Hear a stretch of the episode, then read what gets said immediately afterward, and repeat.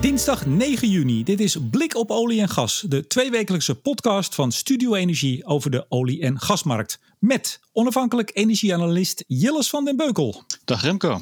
Senior energie-econoom bij ABN AMRO Hans van Kleef. Hoi. En mijn naam is Remco de Boer.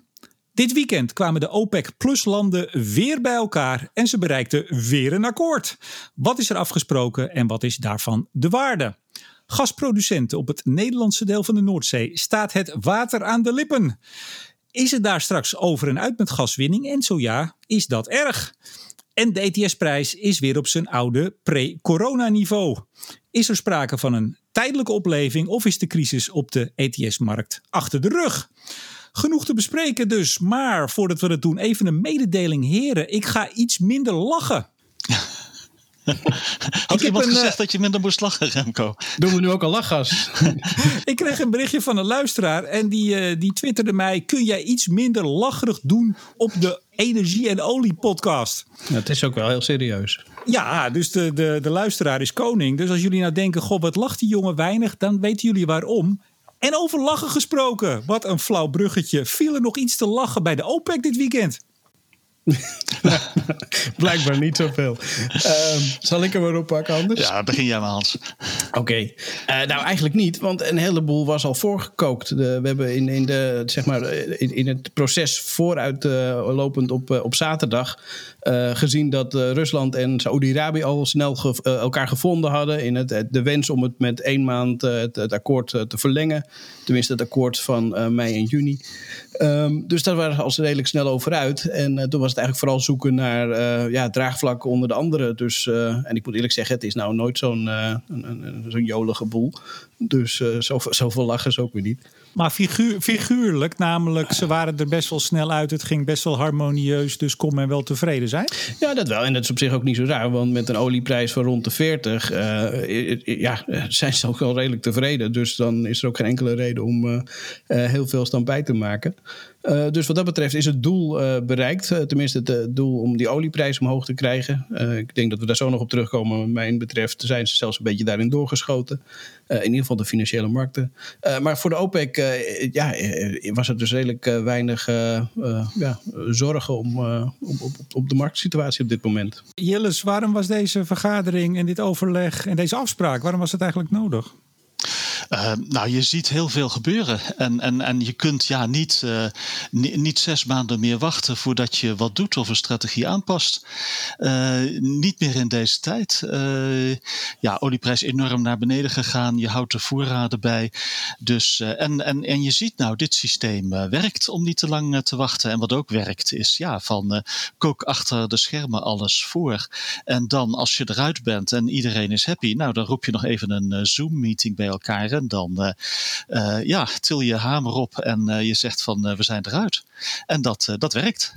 Jij denkt zelfs dat het feit dat ze nu op afstand zitten, dat dat bijdraagt aan het eh, vlotter verlopen van dit soort vergaderingen. Ja, ik denk het wel. Want als je in Wenen zit, dan komt iedereen naartoe. En dan heb je gewoon zoveel uur, eh, anderhalve dag of zo, om daar uit te komen. En als je er dan niet uitkomt, eh, ja, dan, dan is Leiden in last. En, en nu heb je zoiets van, als je er niet uitkomt, dan schrijf je de Zoom-meeting gewoon twee dagen op. En dat, dat, dat, dat neemt de druk van de ketelen eh, een beetje weg. Hans, jij zei het net al, die afspraak van 9,7 miljoen vaten, die zou eigenlijk aflopen. Ja. Die dateert al van april, hè? De, de grote bekende afspraak. Die zou aflopen eh, eind juni.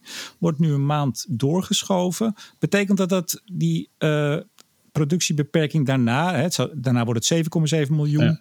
Eh, tot eind van het jaar. Dan 5,8 miljoen vaten voor 16 maanden lang. Schuift dat nou allemaal door? Of is het alleen een kwestie van één maandje langer? Nee, het is die ene maand. Eh, dat hebben ze, die, die hebben ze aangepast. En dat is eigenlijk het idee om eh, ja, toch nog wat extra verlichting te geven op, op de marktsituatie. Dus waarbij, ik bedoel, we hebben gezien dat de Amerikaanse olieproductie behoorlijk omlaag is. We hebben gezien nu dat een, een, ja, het terugdraaien van de lockdowns een beetje, dat de vraag naar olie weer wat herstelt. Maar dat is nog lang niet zo ver. En uiteindelijk is, is denk ik een heel belangrijk doel, is om die voorraden, je noemde het net al, om die behoorlijk omlaag te krijgen. Want daar zit wat mij betreft nog het allergrootste risico voor de komende maanden. Dat ja, de marktvraag en aanbod is beter in balans, maar de voorraden zijn nog steeds bizar hoog. en dat, dat kan echt wel voor een risico gaan zorgen voor de komende maanden. Zeker op het moment dat er toch weer een tweede ronde met coronavirusgevallen de, de kop opsteekt. Ehm, we weer in een lockdown zouden moeten, de vraag uh, weer wat omlaag valt. En ja, dan moet je ook het overaanbod wat op dat moment uh, gecreëerd wordt, uh, die moet ook ja, zijn weg vinden in de markt. En, ja. en, die ruimte moet er wel zijn. En anders ga je gigantisch hard onderuit met de prijs dan. Hè? Afgelopen vrijdag, dus voor de afspraken, toen ging WTI al naar, geloof zo'n 39 dollar, Brent naar 42. Ja. Wat hebben we gisteren gezien op maandag? Uh, nou, we hebben gezien dat die prijs zelfs nog ietsje verder ging. Brent heeft de 43 gehaald. Uh, WTI heeft de 40 aangetikt. Nou, inmiddels zakt het vandaag weer een beetje in. Terug naar 41 om 38. Maar al met al blijven we zeg maar rond die 40 dollar schommelen.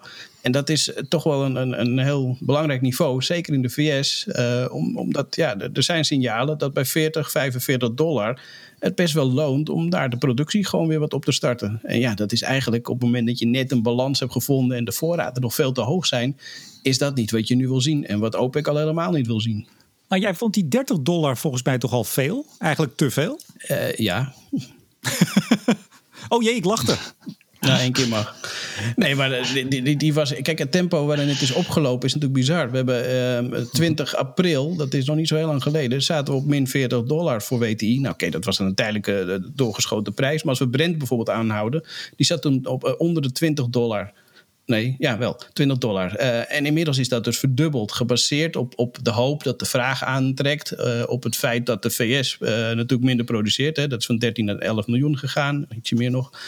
OPEC heeft natuurlijk wat olie van de markt gehaald. maar dan nog, als je al die fundamentals bij elkaar optelt, dan, dan telt dat volgens mij niet op bij, tot een prijs van 40 dollar. Nu zijn er wel andere redenen waarom die prijs zo omhoog is geschoten. Um, en ik weet niet of je goed vindt als ik dat ook meteen even toelicht. Wel ja, joh, we hebben alle tijd. Ik ben er toch bezig. Nee, maar wat je vooral ook ziet is dat uh, grondstof in het algemeen uh, best wel veel interesse vindt uh, nu bij onder beleggers. beleggers zoeken investeringskansen. En dan, ik, ik zei het al in mijn mailtje voorafgaand hieraan, van dan krijg je TINA en FOMO. Oftewel, er is no alternative. Met andere woorden, mensen zoeken iets om hun geld in te investeren en obligaties doen niet zoveel. En de, de spaarrente is laag, hè? dus je gaat in aandelen en in grondstoffen. En je hebt de FOMO, oftewel de fear of missing out. Uh, alles gaat omhoog. En ja, dan zijn er sommige beleggers bij die denken: jeetje, ik mis de, ik mis de boot. Uh, dus die gaan ook posities innemen. En dat zien we dus terug in het uh, aantal openstaande posities. Die zijn gigantisch opgelopen. Ja, maar zien we hier dan een C-bel aan het creëren? Nou, zeepbel is wel een heel groot woord. Dan denk ik meteen aan, uh, aan, aan, een paar jaar terug. Maar een, een, een, een bubbeltje. Uh, een, een, bescheiden zeepbelletje misschien. Uh, oftewel, de markt die loopt wat vooruit op de feiten. En ja, dan, dan hoeft er niet veel te gebeuren om winstnemingen te zien op die longposities. En, en een gezonde correctie weer terug naar, laten we zeggen, ergens tussen 30 en 35. Lijkt mij niet heel erg raar. Jilles, als we nou eens even uitgaan dat die tweede golf coronabesmettingen niet komt. Oftewel, we hebben het ergste gehad. Laten we dat even stellen. Um, die voorraad die wordt wat verder afgebouwd. De productiebeperking gaat nu door op die 9,7 miljoen. Zou die prijs dan toch niet gewoon heel reëel kunnen zijn waar we nu op zitten? Hij moet niet verder stijgen in ieder geval. Als hij dat doet, dan zie je echt schalieolie weer, uh, weer losgaan. En ja, het is toch een, eh, heel fine balance, een, een soort koerdansen wat hier gebeurt. Uh, maar als die prijs echt verder omhoog gaat, en je, dat zie je nu al hoor, bij de huidige prijs, dat schalieolieproducenten, ik las wat, Pioneer, EOG en zo, dat die nu alweer wat productie op gang beginnen te brengen. En dat kan de vraag-aanbod situatie hebben, maar slechts in beperkte mate, denk ik. Maar volgens mij heb jij wel eens verteld dat het niet zo heel makkelijk is. Ik bedoel, het kan wel, maar het is ook niet dat je dagelijks even uh, de put weer sluit en hem weer opstart. Nemen ze er niet toch een risico? Want het kan best dat die prijs uh, misschien dan toch weer door extra schalieproductie in Amerika misschien weer onder de 35 zakt. Ja, dan moeten ze weer dicht. Ja, het, eh, nou, schalieolie opstarten en weer dicht doen is niet zo moeilijk van die putten. Dat, eh, dat valt wel mee. Daar hebben bijvoorbeeld de Russen veel meer moeite mee met hun 130.000 eh, putten in Siberië. Maar wat wel speelt is van ja, je, je hebt nou dat de, de hoeveelheid actieve boortorens, die is al een maand of twee echt heel laag. dat betekent dat er nu echt minder geboord wordt. en dat is wel iets wat je minder makkelijk opstart en weer, weer, weer, weer, weer dicht doet, zeg maar. Dus je hebt eigenlijk twee effecten. Je hebt een kort termijn, je zit gewoon met de hand aan de kraan. En je hebt een wat langere termijn effect van zeg een half jaar of een jaar of zo. Van uh, ja, de schalieolieputten, die productie gaat heel snel naar beneden. Met andere woorden, je moet blijven boren. En als je een half jaar niet boort, nou dan is je productie enorm ingezakt. Ja, en dat is wel iets wat kan gaan spelen over een, een half jaar of een jaar. Maar dat is een langere termijn effect dan wat we nu zien op de korte termijn.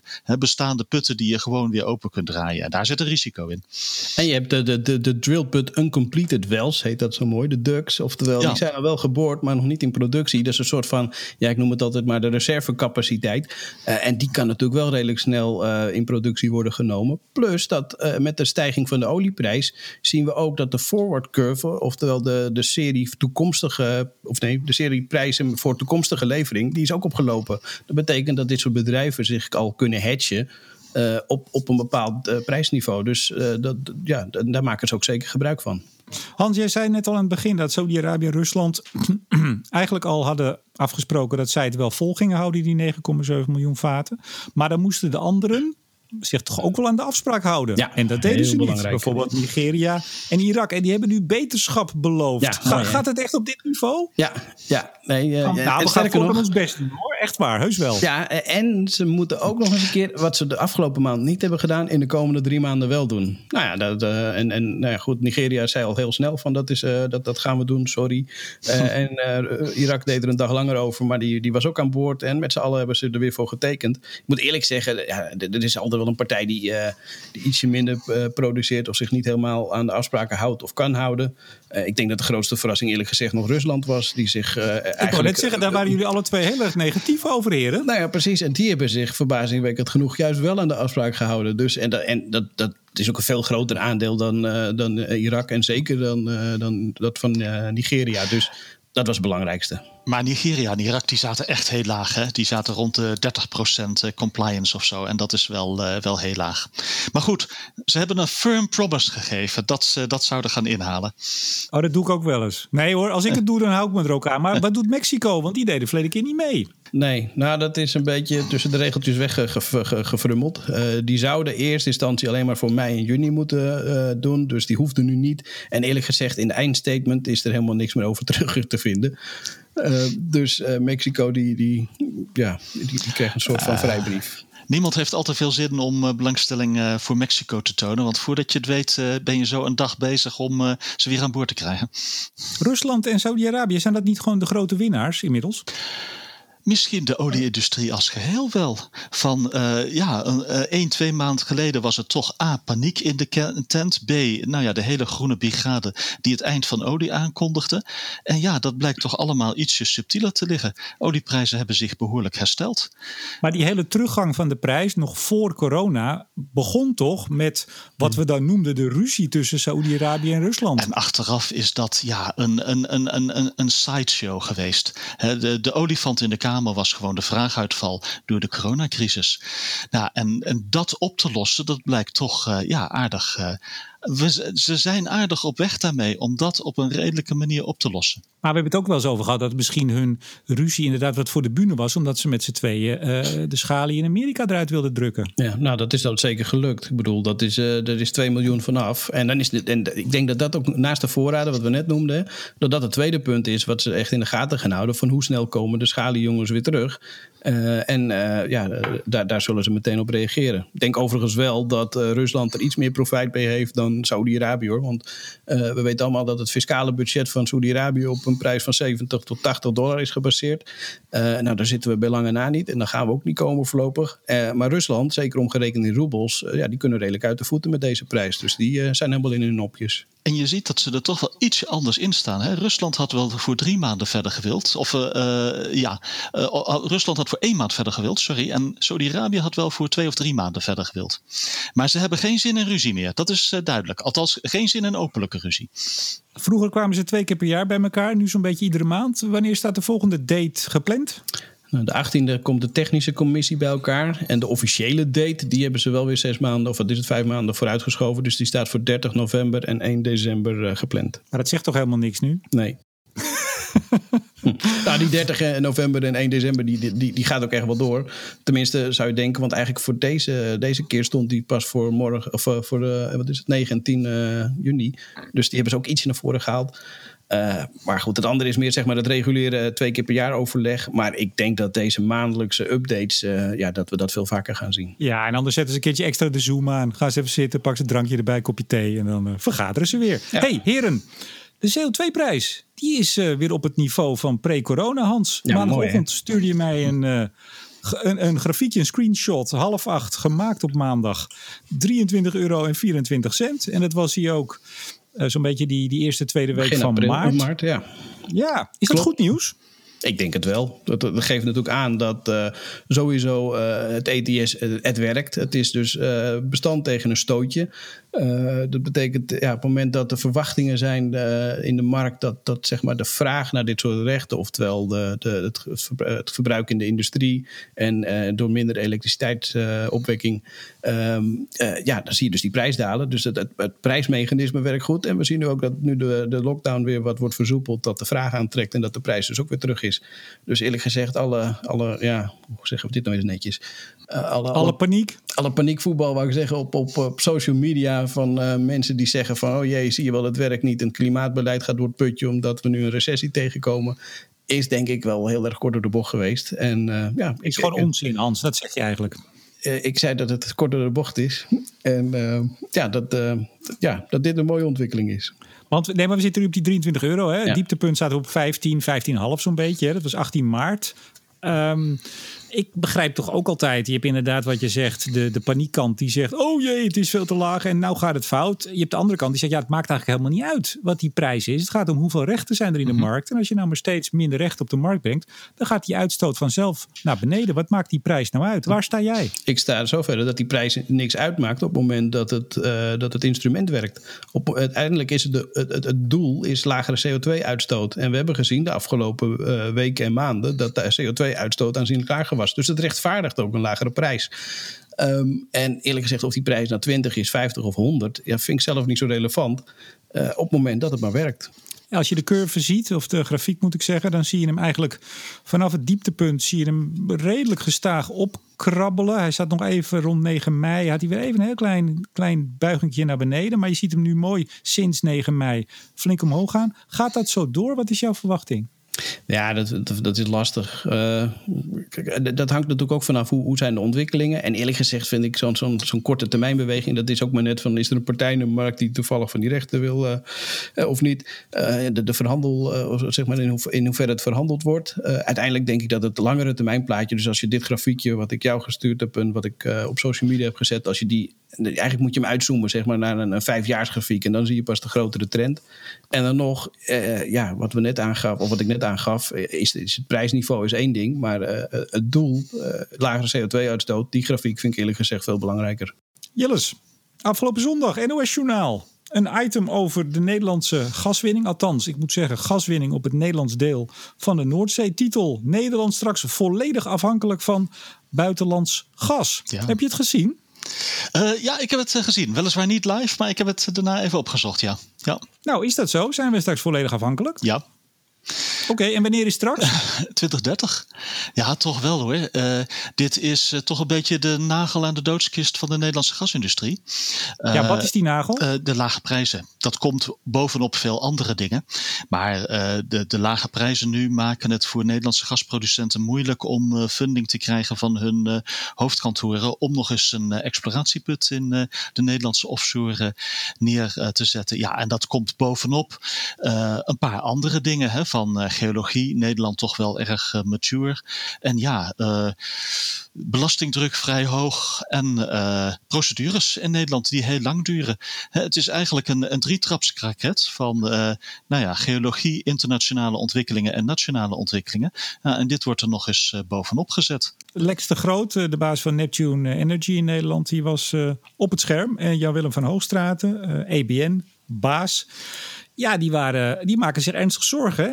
Hebben ze daar dan ook echt gelijk in? Want je zag natuurlijk ook weer op social media. Op zich is dat wel een aardige graadmeter. Die zeggen ja, hè, logisch. Dan gaan die jongens weer. Die zijn ja, altijd aan het klagen. Wij van WC Eend. Zeker. Ja. Maar terecht dus, zeg jij? Uh, ja, uh, absoluut. Uh, en het probleem is eerder van ze zijn misschien al te laat hiermee. dit is al een heel eind op weg, deze ontwikkeling. En het, het zal echt niet meevallen om, om dat te keren. Maar het valt me wel op van, nou ja, A, je ziet de zorg bij de industrie. Maar niet alleen bij de industrie, toch ook bij EBN. van, nou, dit dreigt toch echt mis te gaan. en B, ja, ik vind de reacties in social media toch ook wat minder hard dan misschien een paar jaar geleden. Uh, toen was echt, uh, durfde je nauwelijks je vinger op te steken als uh, fossiele jongen. En stond je er toch een beetje als muurbloempje op het speelplein bij. En nu, ja, is men toch ietsje assertiever. simpelweg omdat men overtuigd is dat men echt een, een goed verhaal heeft. Hans, hoe kijk jij naar die gaswinning op de Noordzee in Nederland? Nee, ik ben het helemaal met Jillis eens. ik, ik denk dat je, je, ziet daar de productie best wel hard on, onderuit gaan. En je ziet dat de investerings mogelijkheden erg onder druk staan door die lage prijs. Dus ja, uh, en, dus zijn we meer afhankelijk van import. Dus wat dat betreft uh, was ik eerlijk gezegd een beetje verbaasd van het item. Omdat het, ik dacht dat dat redelijk uh, algemeen bekend was. Maar kan geen kwaad om dat nog een keer uh, onder aandacht te brengen hoor. Dus. Ik heb even navraag gedaan uh, hoe dat item tot stand is gekomen. Het bleek dat de NOS, die heeft EBN benaderd, maar die wilde ook graag een bedrijf uh, erbij betrekken. Hè, van wat is nou de impact voor een bedrijf. Maar de aanleiding, en dat is misschien wel interessant, is het IEA-rapport over investeringen in de energie wereldwijd. Met bijna 400 miljard dit jaar neemt dat terug, loopt dat af. En, en zegt het IAA, en dat is misschien ook wat Jillis net zegt, dat betekent ook, als we op dit niveau blijven, dat is natuurlijk nog maar de vraag, maar goed, dat we ook het, uh, Sustainable Development scenario niet halen. Oftewel onze klimaatdoelen.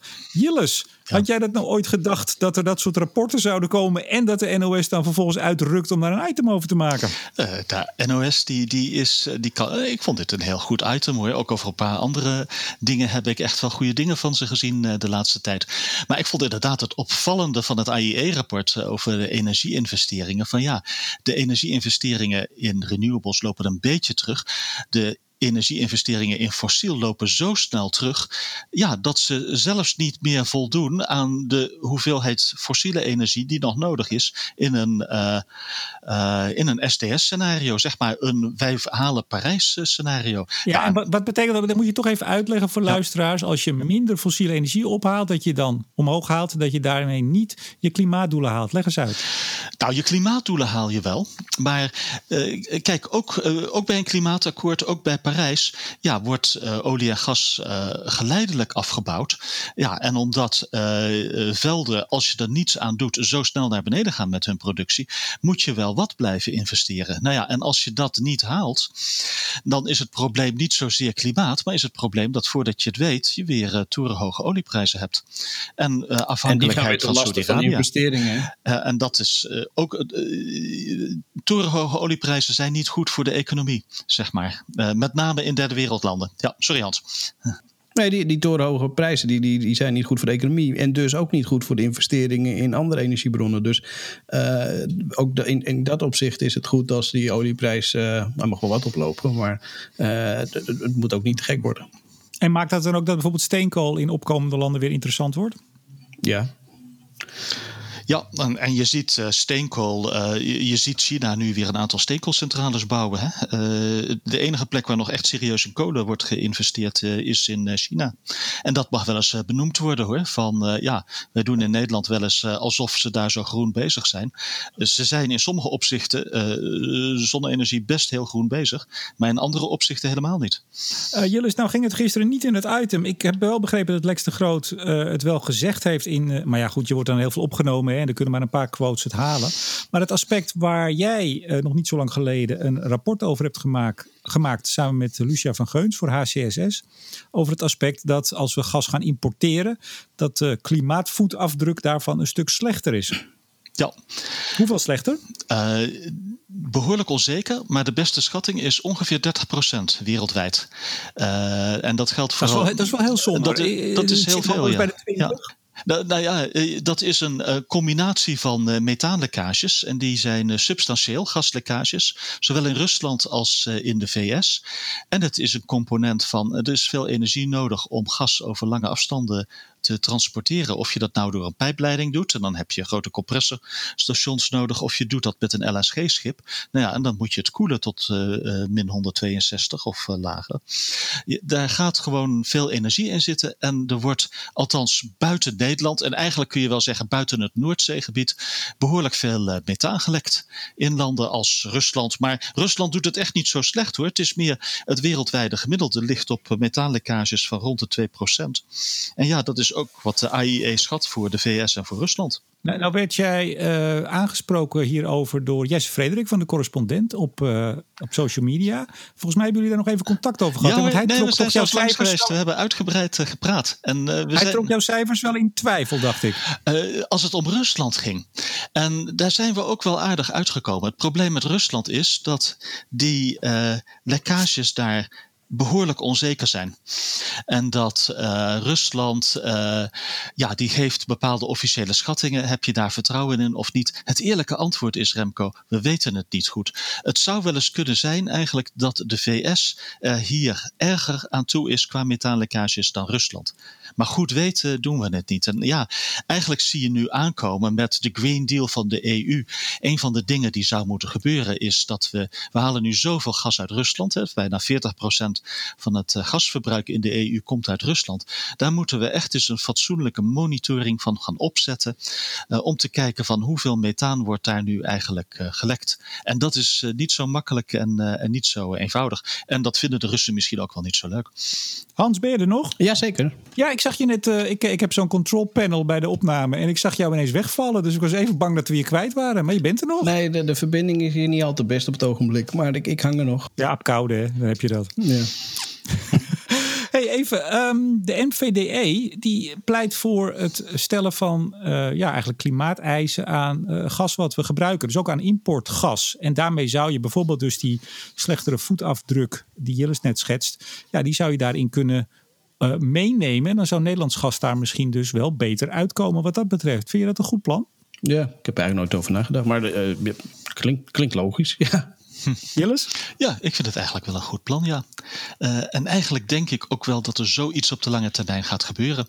Uh, en er zijn plekken op de wereld, Californië bijvoorbeeld, waar je dit soort uh, schema's hebt. Alleen wordt het dan vaker voor olie gedaan dan voor, uh, voor gas. Ja. ja. En het zou mooi zijn als we een goede wereldwijde database hebben, want die hebben we aardig van olie, de additionele emissies, zoals we dat heten, om dat ook voor, uh, voor gas te hebben. Nou zag ik gisteren ook wat berichten op social media toen die, dat item was geweest. Ik moet zeggen eergisteren bij de NOS. Van ja, eigenlijk gaat het uiteindelijk maar nog wat we uit die Noordzeebodem kunnen halen aan gas op het Nederlands deel. Nou ja, zo'n 30, 35 miljard kuub wellicht hè, in ja. die orde grootte. Met andere woorden, dus nog niet eens wat we in een jaar gebruiken. Ach, waar doen we het eigenlijk voor? Hè? Dat is een beetje de teneur dan. Volgens mij, Jillis, uh, zie jij dat toch anders?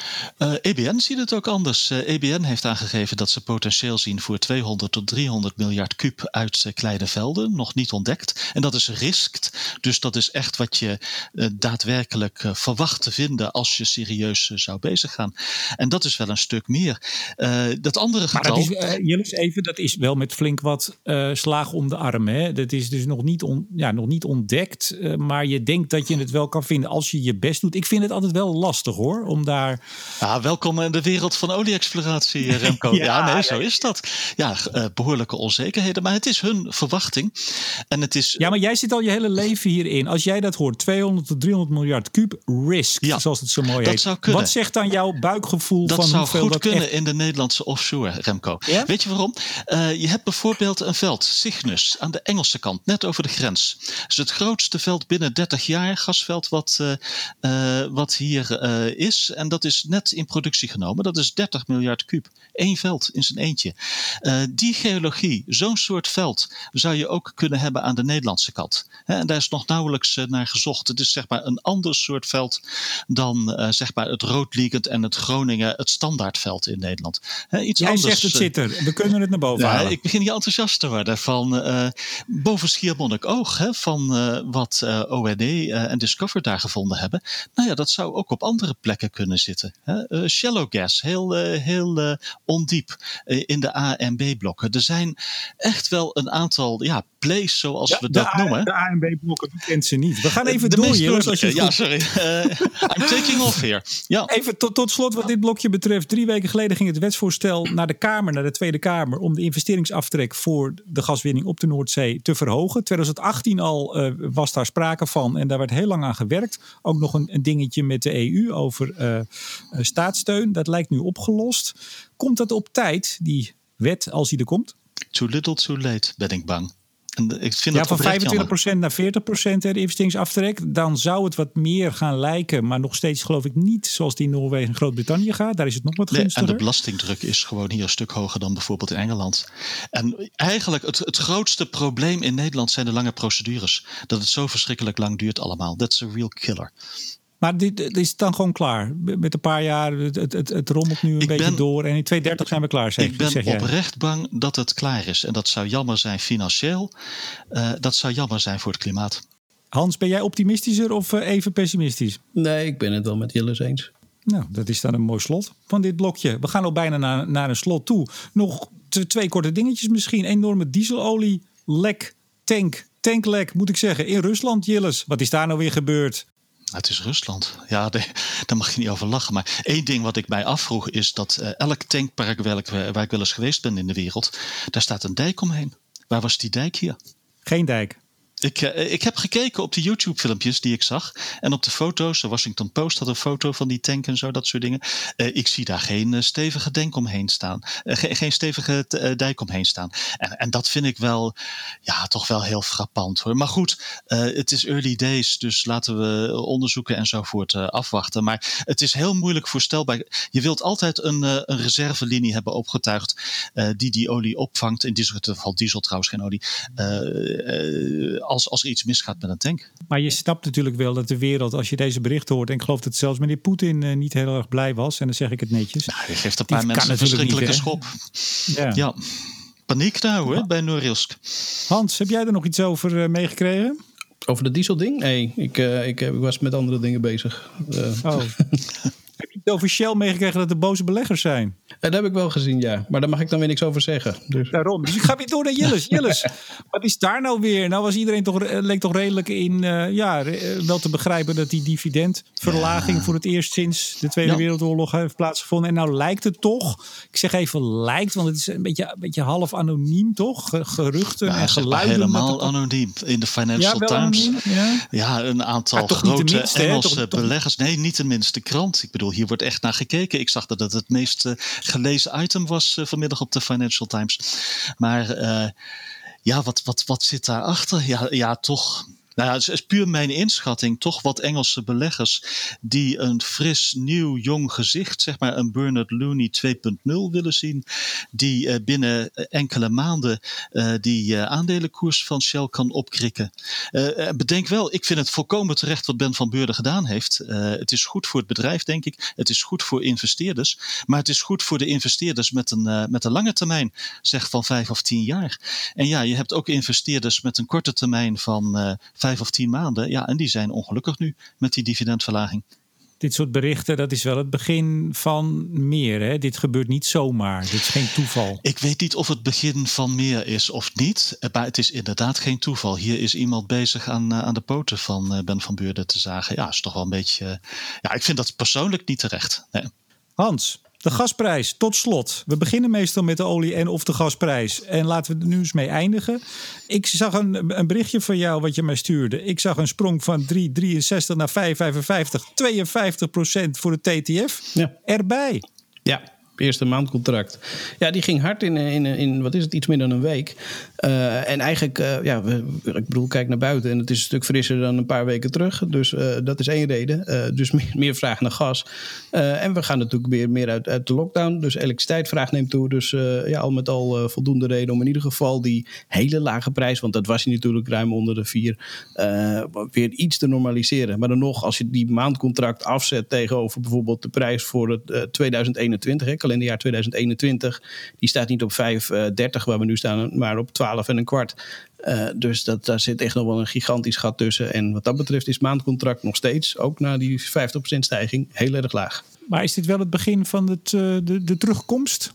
Uh, ja, dat, dat hangt een beetje vanaf hoe, de, hoe dat de komende maanden gaat. Trouwens, ik vergeet nog het argument van LNG. die komt natuurlijk ook wat minder deze kant op het ogenblik. en dat zorgt er ook voor dat die, die prijsdruk iets afneemt.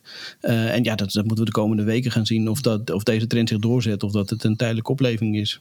Jij hebt weer een mooie monitor gemaakt, hè? Ja, staat uh, online. ABN AMRO Insights. De, uh, vooral over olieprijzen, of eigenlijk alleen maar over olieprijzen deze keer. Dus uh, te downloaden op de site. Of via social media natuurlijk. Ja, en wat lezen ze daar?